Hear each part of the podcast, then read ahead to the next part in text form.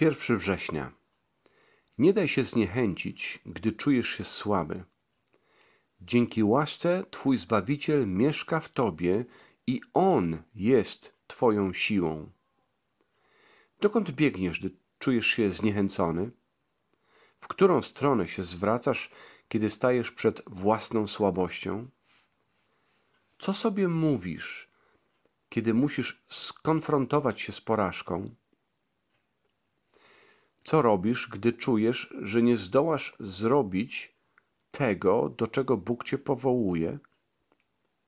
Ja uciekam się do fragmentu z listu do Rzymian, ósmy rozdział, od początku. Kiedy stawałem się słaby, ten fragment wielokrotnie był mi przyjacielem i pocieszycielem. Oto on.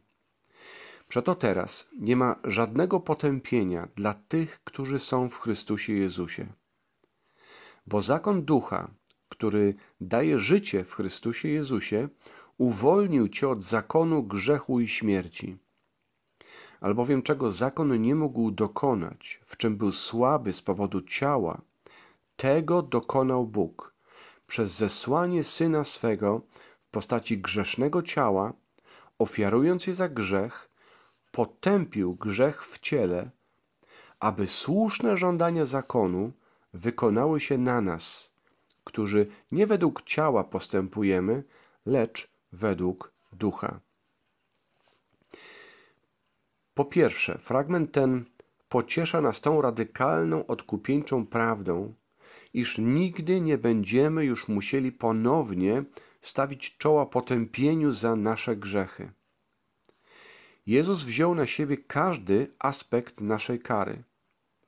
Nawet w dniach, kiedy ewidentnej, nawet dniach naszej ewidentnej słabości i powtarzanych wielokrotnie porażek, nie zostaniemy ukarani za nasz grzech.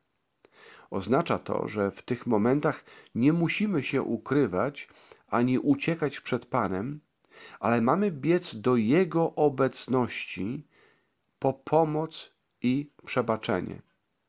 To jednak nie wszystko. Czytamy dalej. Ale wy nie jesteście w ciele, lecz w duchu, jeśli tylko Duch Boży mieszka w was. Jeśli zaś kto nie ma Ducha Chrystusowego, ten nie jest Jego. Jeśli jednak Chrystus jest w was, to chociaż ciało jest martwe z powodu grzechu, jednak duch jest żywy przez usprawiedliwienie. A jeśli duch tego, który Jezusa wzbudził z martwych, mieszka w was, wtedy ten, który Jezusa Chrystusa z martwych wzbudził, ożywi i wasze śmiertelne ciała przez ducha swego, który mieszka we was. Bóg w swojej łasce nie tylko rozprawia się z poczuciem winy za nasz grzech, lecz także z jego mocą. Grzech czyni nas słabymi, niezdolnymi do działania kalekami.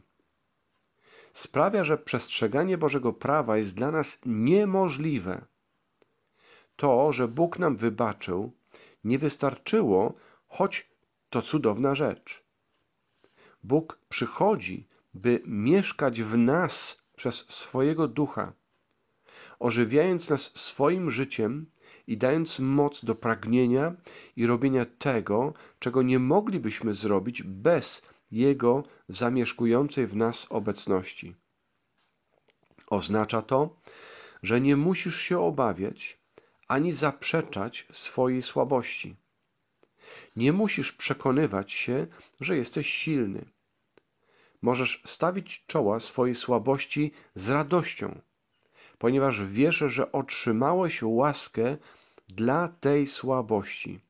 Łaskę, która nie jest rzeczą, lecz osobą, Duchem Świętym, który z Ciebie uczynił miejsce zamieszkania swojej mocy.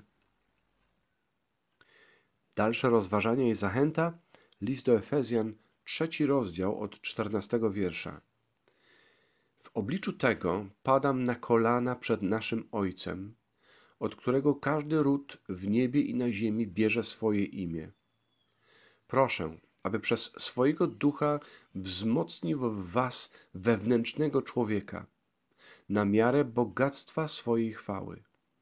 Proszę, aby przez wiarę Chrystus zadomowił się we waszych sercach, byście byli mocno zakorzenieni i ugruntowani w Jego miłości, byście mogli ogarnąć wraz ze wszystkimi świętymi, jak szeroka, jak długa, jak wysoka i jak głęboka jest Jego miłość. Byście poznali ją, choć przekracza ona wszelkie poznanie, i ostatecznie byście byli przepełnieni pełnią samego Boga. On swą potężną, działającą w nas mocą jest w stanie to uczynić i o wiele więcej niż to. O wiele więcej niż to, o co go prosimy lub co jesteśmy w stanie sobie wyobrazić.